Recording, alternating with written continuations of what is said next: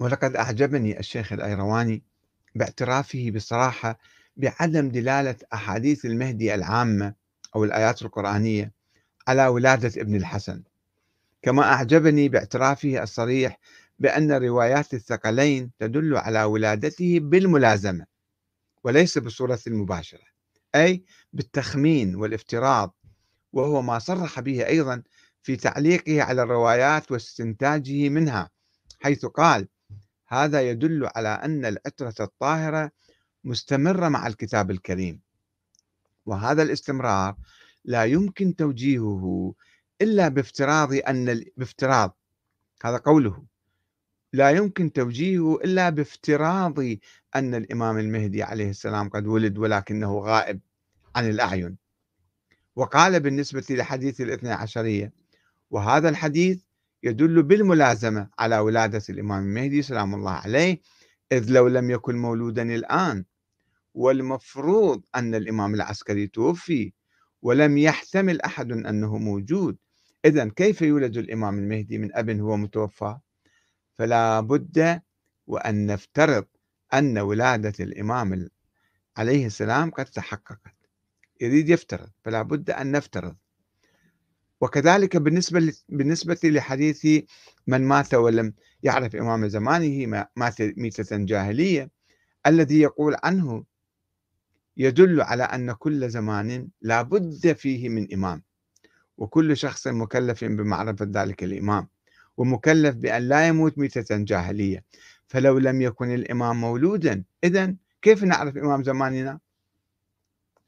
إن هذه الأحاديث في الحقيقة تشكل أساس النظرية الإمامية والإثنى عشرية وهو ما عرف بالدليل العقلي عرف هو مو دليل عقلي هو كله دليل أخباري الذي يقوم على افتراض وجود الإمام الثاني عشر وولادته. افتراض كل القضية كلها افتراض في افتراض.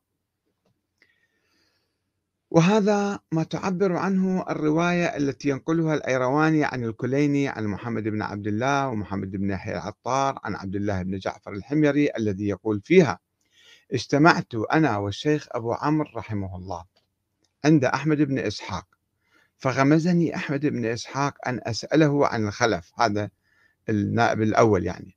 فقلت له يا أبا عمرو إني أريد أن أسألك عن شيء وما أنا بشاك فيما أريد أن أسألك عنه. فإن اعتقادي وديني أن الأرض لا تخلو من حجة. أيضا هاي فرضية. يقول اعتقادي وديني أن الأرض لا تخلو من حجة. لازم دائما موجود في الواحد حجة. ولكن أحببت أن أزداد يقينا فإن إبراهيم عليه السلام سأل ربه عز وجل أن يريه كيف يحيي الموتى. فقال ولم تؤمن؟ قال بلى ولكن ليطمئن قلبي. فخر أبو عمرو ساجدا وبكى. ثم قال سل حاجتك. بيمثل الرجال وذول صدقوه بسرعة.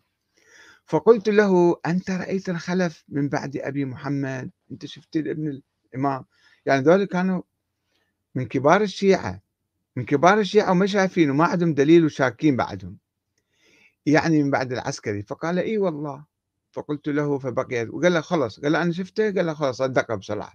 كيف صدقه؟ وهو دا يجر النار إلى قرصه وياخذ فلوس باسم الإمام العسكري. فقلت له بقيت واحدة فقال لي هات. قلت الاسم شو اسمه هذا؟ الولد. فقال محرم عليكم أن تسألوا عن ذلك. وكانوا يحرمون حتى التفتيش.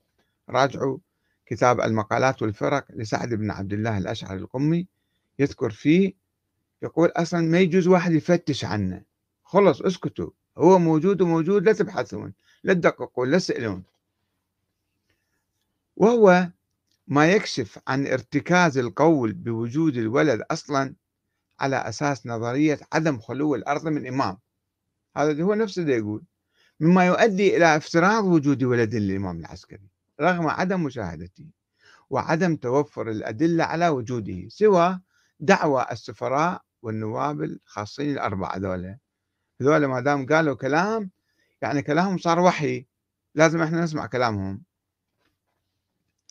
وليس خافيا على الشيخ الأيرواني.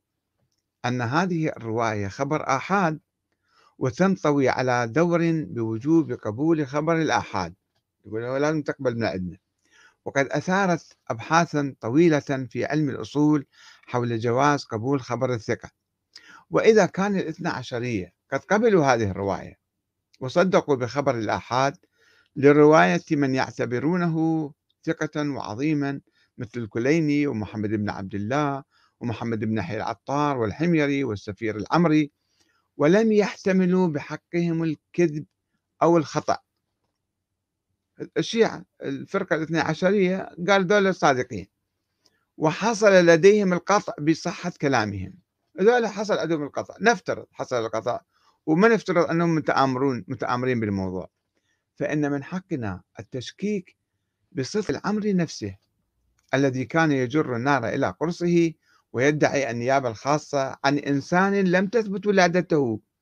أول شيء نثبت ولادته وبعدين ندعي نقبل نائب عنه. كما ادعى أصحاب عدد من الأئمة غيبتهم ومهدويتهم والنيابة عنهم. الواقفية الذين قالوا الإمام موسى الكاظم غائب وحي أيضا ادعوا النيابة عنه. ونحن لسنا مكلفين من الله بتصديق كل من يدعي أمرا لا دليل عليه. ولا نقلد السذج الذين صدقوا أولئك الدجالين خاصة بعد مرور أكثر من ألف عام على دعواهم الباطلة وعدم ظهور ذلك الولد المزعوم.